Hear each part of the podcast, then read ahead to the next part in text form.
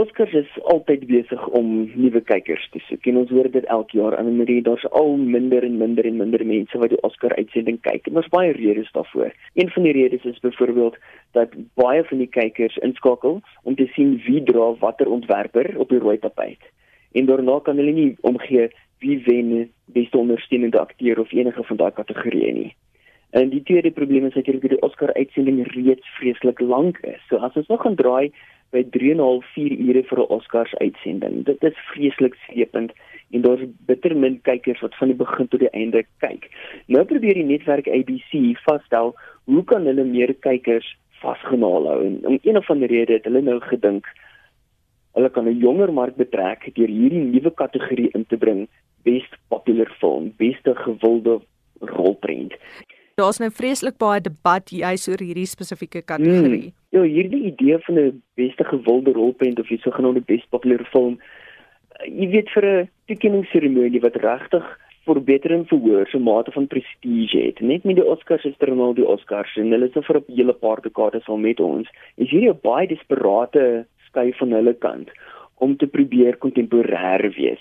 Daar is al klaar iets soos die MTV Movie Awards, daar's ander tipe toekenningsseremonies wat reeds gewilde rolprentkuns beloon. En soos die kritikus Mark Harris ook nou die dag tereg gesê het, daar's reeds 'n geweldige beloning vir gewilde rolprente en mense noem dit geld. So hoekom moet jy nou nog 'n uh, aparte kategorie skep vir iets soos The Dark Knight of Dunkirk teen iets soos Black Panther of Get Out terwyl al drie daai rolprente net so gemaklik in die standaard gewone beste rolprent kategorie sit tuis wees om nou jou net weier te gooi deur hierdie ekstra kategorie. Nee, wat? Dit gaan 'n eh, die ou net net weer nog 'n kategorie wees wat ingebring word en dan met ter tyd gaan verdwyn. Die Oscars het al in die verlede verskeie kere by tegnologiese veranderings aangepas. Ek dink byvoorbeeld aan die geval waar the jazz singer in 1928 'n spesiale hmm. vermeldingsprys gekry het vir sy klankgebruik. En die volgende jaar was al die rolprente wat die toekenningsgeleentheid sogenaamde talkies. So hoekom ontlok hierdie veranderings nou soveel reaksie? Ek dink spesifiek net met hierdie kategorie oor beste gewilde rolprent.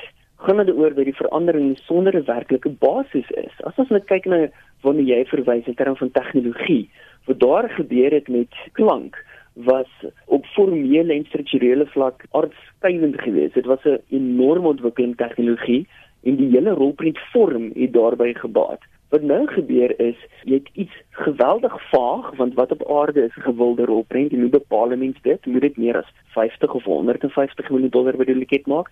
Dit het niks met die rolprent taal of rolprent vorm te doen nie. Ek dink byvoorbeeld nou in hierdie konteks aan 3D tegnologie wat nou se 10 jaar gelede ook weer al hoe meer kommersieel in die hoofstroom in begin beweeg het. Maar ons sit nog steeds nie met 'n kategorie wat erns lees beste gebruik van 3D in 'n rolprent nie want dit is regtig 'n oppervlakkige toevoeging. Wanneer ons hierso sit, is dit bloot iemand wat kyk na rand en sent en dink, "Reg, kom ons gebruik iets vaag om te kyk of ons meer mense kan ooreed om na die seremoniese uitsending te kyk.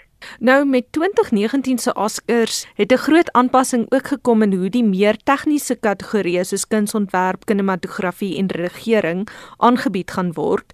En van die rolspelers brom nou dat van hierdie belangrike kategorieë agter die skerm nou gemarginaliseer gaan word. Stem jy saam? Ek stem definitief daarmee saam. En jy weet die akademie sukkel jare lank nou al met diversiteit. En een van die plekke waarin mense diversiteit wel het, is in hierdie agter die skermsrolle wat krities belangrik is vir enige film om te kan slaag. So om nou al daardie kategorieë op die agtergrond te skuif, is om weg te doen met 'n groot dosis diversiteit. Daar is wonderlike dinamiese vroue kunstenaars wat agter die skerms werk om baie goed te laat vergestaal op die skerm en dan word hulle nou ontneem van 'n geleentheid om in so 'n publieke forum beloon te word vir die harde werk wat hulle ingesit het. En ons sien ook veranderings in ander toekenningsgeleenthede soos byvoorbeeld die Emmy toekennings waar baie van die aanlyn reekse wat nie op tradisionele televisie vertoon word nie nou skoonskip maak. Wat dink jy hou die toekoms in vir Hollywood se elegante prysuitdelings? Nee, ek is bly jy praat nie juist hier so van die Emmys, want ons het nou nog gepraat hoe min mense deesdae kyk na die Oscars uitsending, maar jou Grammy toekennings en jou Emmy toekennings se kyksyfers daal ook. So dit is nie eers dat die Oscars kan sê ons lei onder lae kyksyfers nie. Dit is deur die bank iets wat nou met seremonie uitsendings plaasvind. Maar die Emmys dan besef is dat televisie soos wat ons dit geken het selfs 10 jaar gelede verander het. En hulle besef dat daar ander rolspelers is, inhoudsverskaffers soos Hulu en Amazon met hulle Amazon Prime dienste en natuurlik die groot reus in hierdie arena is Netflix.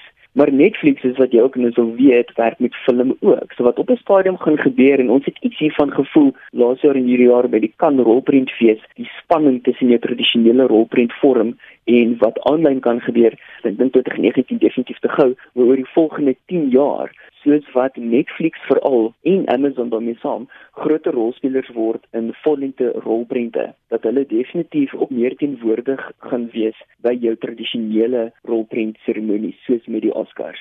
En natuurlik daarmee saam kan 'n mens iemand soos Alfonso Cuarón se nuutste werk in virtual reality vat en 'n mens kan voorsien dat binne 10 jaar daar juis uit dit 'n nuwe rolprent vorm gaan wees wat ook 'n teenwoordigheid gaan hê by jou tradisionele rolprentfeeste en natuurlik by iets so tradisioneel soos die Oscar seremonie.